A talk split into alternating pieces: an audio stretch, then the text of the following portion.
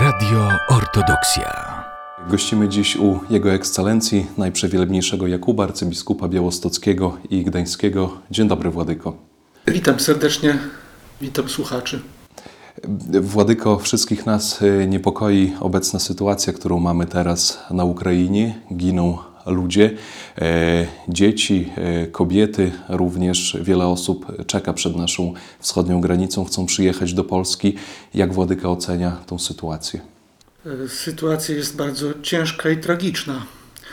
Tragiczna chociażby z tego względu, że kiedy jeden człowiek zabija drugiego człowieka, to, to jest najgorsze, co może być.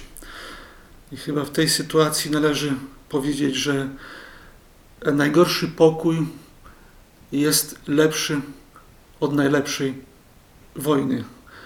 Naszym zadaniem jest robić wszystko, żeby pomagać cierpiącym i modlić się, żeby jak najszybciej konflikt się zakończył.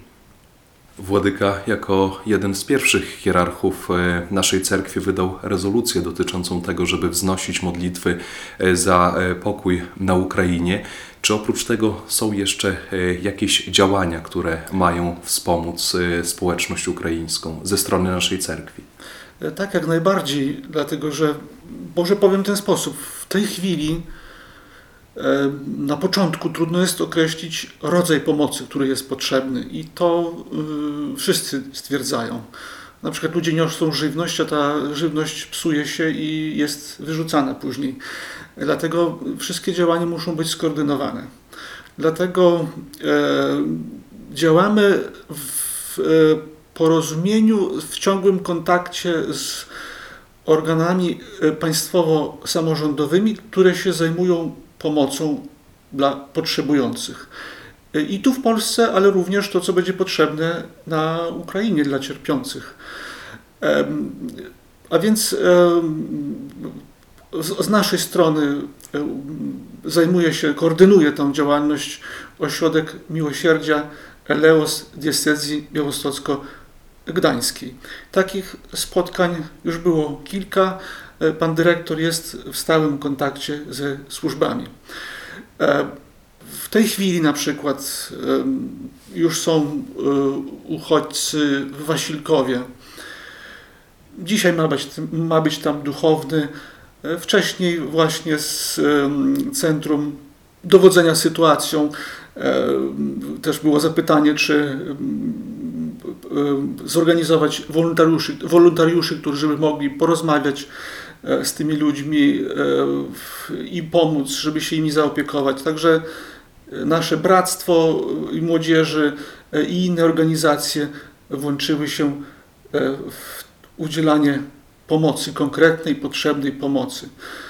Ponadto nasi proboszczowie są też w kontaktach z potrzebującymi konkretnie, ale też z tymi, którzy są gotowi pomóc, bo przecież można zaoferować swoją pomoc e, w postaci udostępnienia e, mieszkania czy pomieszczeń, do, jeśli taka zajdzie konieczność, ale to wszystko musi być skoordynowane. Ale nawet wczoraj w rozmowie z panem prezydentem, rozmawialiśmy też na ten temat, jest taka forma, że ktoś może e, przeznaczyć środki swoje na wyjęcie gdzieś mieszkania, tak, dla, jeśli taka będzie konieczność e, i potrzeba dla e, ludzi, którzy znajdą się u nas w naszym mieście, czy w naszym województwie, czy na, w naszej diecezji. Ktoś może, ktoś może, że tak powiem, opłacić mieszkanie i e, to mieszkanie przeznaczyć dla potrzebujących uchodźców. Ponadto mamy kontakt z uchodźcami, nie z e, migracją która, e, em, ukraińską, która przyjechała, przy, którzy przyjechali do pracy w Polsce, ale mamy też kontakt z kilkoma rodzinami, e, którzy przyjechali w 14 roku jako uchodźcy, otrzymali tu statut uchodźstwa. Też rozmawiałem wczoraj e, z nimi. Oni stworzyli też grupę na Facebooku, która stara się też oferować swoją pomoc. Jesteśmy z nimi też w kontakcie i oni są w kontakcie z naszym ośrodkiem miłosierdzia. Będą w kontakcie cały czas. to oni mają kontakty tam do tych rodzin, które tu przyjeżdżają. Prościej im językowo tak porozumiewać się e, z tymi e, uchodźcami z, z, z Ukrainy. E, także staramy się jak najbardziej koordynować tą pomoc i staramy się, żeby ona była skierowana rzeczywiście w ten sposób, żeby, była, żeby wykorzystać tę pomoc w jak najwłaściwszy i najlepszy sposób. Zachęcam wszystkich, każdy może, każdy może zgłosić się do, i do e, proboszcza na przykład z propozycją udostępnienia miejsca czy przyjęcia do siebie potrzebujących. Mówię, jeśli taka konieczność zaistnieje. Kolejną działalnością, o której e, pomyśleliśmy wczoraj jest, przecież te dzieci, które przyjadą, muszą gdzieś się uczyć a więc jest propozycja, żeby te dzieci mogły skorzystać z szkoły prowadzonej przez nasze stowarzyszenie Bractwo Cyrla i Metodego. Już jest tam e, taka myśl, że o zatrudnieniu nauczycieli, którzy będą mogli uczyć w języku ukraińskim. E, także działamy. E, niektórzy próbują różne opinie wydawać o nas. E, nie afiszujemy się swoją pomocą i działalnością, nie na tym polega. Pomocy się nie udziela na wiecach i w jakiejś egzaltacyjnej modlitwie, a w, cicho, w cichości swojego serca, w swojej celi modlitwie niech każdy się modli i niech każdy włoży chociaż trochę swojego wysiłku, żeby rzeczywiście pomóc potrzebującym. Do tych komentarzy Władyko pozwoli Władyka, że jeszcze wrócę za, za jakiś czas. Natomiast Władyka wspomniał e, o, o, tej pomocy materialnej, również o tym, że, że te dzieci, które tu przyjadą, będą gdzieś się uczyć. I tutaj chciałbym się e, zatrzymać. Chciałbym zapytać, czy my, jako e, społeczność prawosławna w Polsce, jesteśmy gotowi do niesienia takiej pomocy duszpasterskiej, bo wiadomo, że ci imigranci z Ukrainy są głównie wyznania prawosławnego być może będą chodzić do naszej cerkwi. E, te dzieci również, e, daj Boże, będą przychodzić na lekcje religii prawosławnej. Czy my, jako społeczność cerkiewna, jesteśmy gotowi do tego, żeby zapewnić im tą opiekę duszpasterską? Staramy się zrobić wszystko, co w naszej mocy. Już wcześniej e, myśleliśmy o tym, żeby też udostępnić nasze pomieszczenie, jeszcze przed e, rozpoczęciem e, tego konfliktu, tej wojny, udostępnić pomieszczenie przy naszych parafiach dla grup, którzy stamtąd są, nawet ci, którzy nie, nie, nie tylko dla tych, którzy wyjechali z powodu działań wojennych, ale również wcześniej, żeby mogli się spotkać, mogli, się, mogli porozmawiać ze sobą, mogli sobie wypić herbatkę i wymienić się swoim doświadczeniem tak, przy naszych parafiach. Wiele osób uczęszcza na nasze nabożeństwo, uczęszczało już, tak. Zrobimy, będziemy się starać zrobić wszystko, żeby, żeby pomóc tym ludziom również znaleźć drogę do cerkwi i żeby w tej sytuacji e, ich potrzeby religijne również zostały zaspokojone.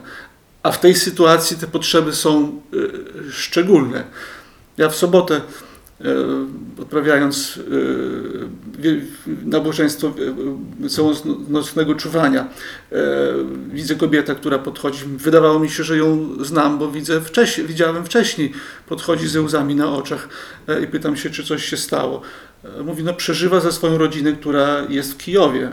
Ja mówię, ona mówi, że nie, już jest parę lat tutaj, pracuje, ale no przeżywa za rodzinę. To jest takie normalne i to jest odruch, że współczujemy tym wszystkim, którzy się znaleźli w ciężkiej sytuacji i w potrzebie. Jeżeli chodzi o prawosławie w Polsce, to często, zwłaszcza w internecie, możemy spotkać się z takimi e, komentarzami, są to stereotypy oczywiście o tym, że prawosławni w Polsce są e, związani z Rosją. Tak oczywiście nie jest. E, mamy polski autokefaliczny kościół prawosławny, jest to cerkiew niezależna. Natomiast no, te osoby, które nie znają prawosławia, często powielają takie stereotypy. I chciałbym zapytać e, Władykę o to, czy nie obawia się Władyka tego, że ta rosyjska agresja na Ukrainę niejako będzie negatywnie wpływać również na naszą prawosławną społeczność w Polsce. Polsce? Najgorzej robią ci, którzy nieodpowiedzialni ludzie. Nie wiem, czy nie robią tego celowo. e, żeby ten stereotyp powielać. Po pierwsze, jesteśmy autokefalicznym kościołem. Nasza autokefalia rodziła się też w trudnościach. E, na szczęście od e, początku XX wieku mamy autokefalię i jesteśmy niezależnym kościołem.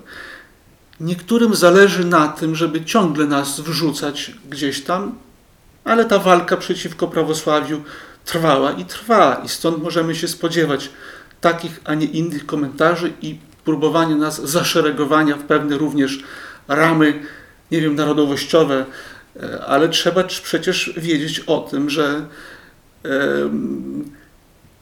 prawosławni mieszkają nie tylko w Rosji. Prawosławni mieszkają i na Ukrainie. I ci, którzy do nas teraz jako imigranci idą, to są w większości ludzie prawosławni. Dla nas wszyscy są w wierze takimi samymi braćmi. Wszystkim musimy pomagać.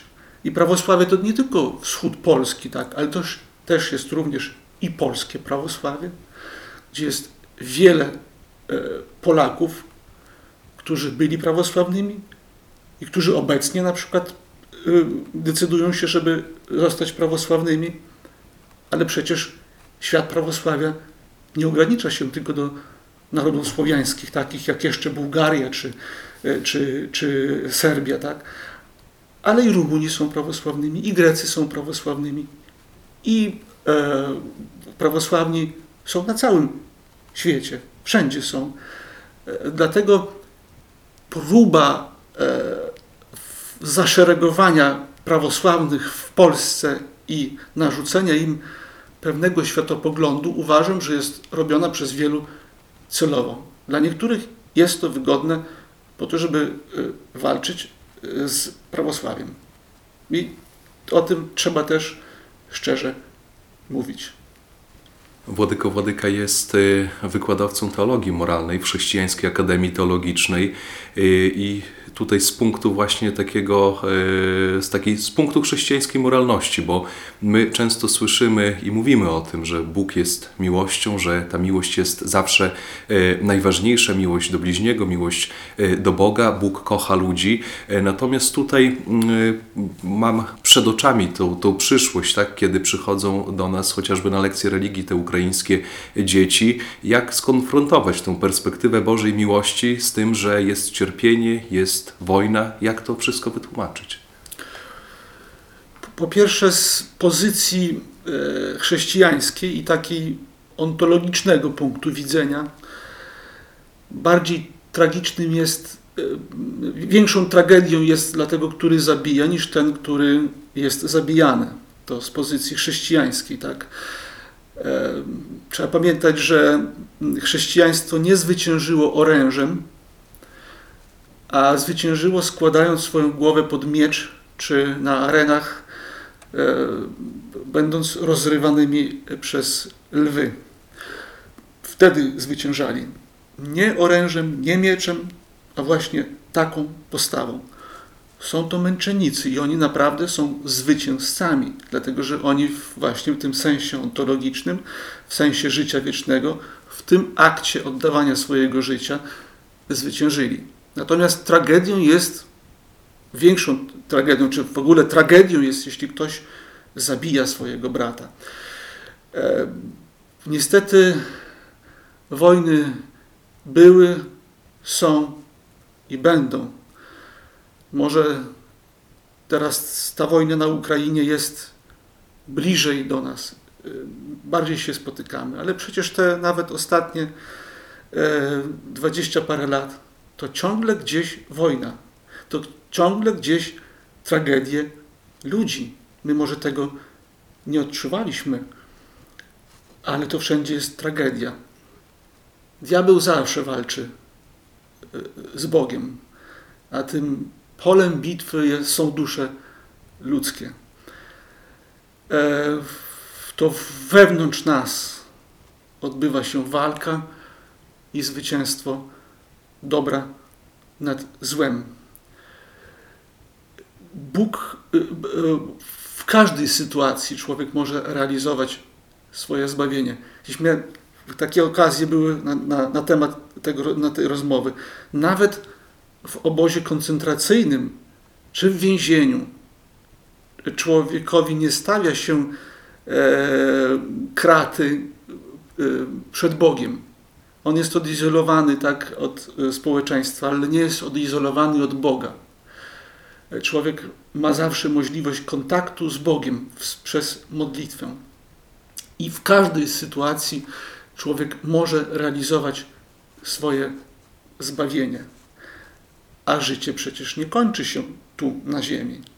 Dlatego e, z perspektywy wieczności e, w Bożym miłosierdziu względem człowieka jest miejsce wiecznej szczęśliwości i światłości.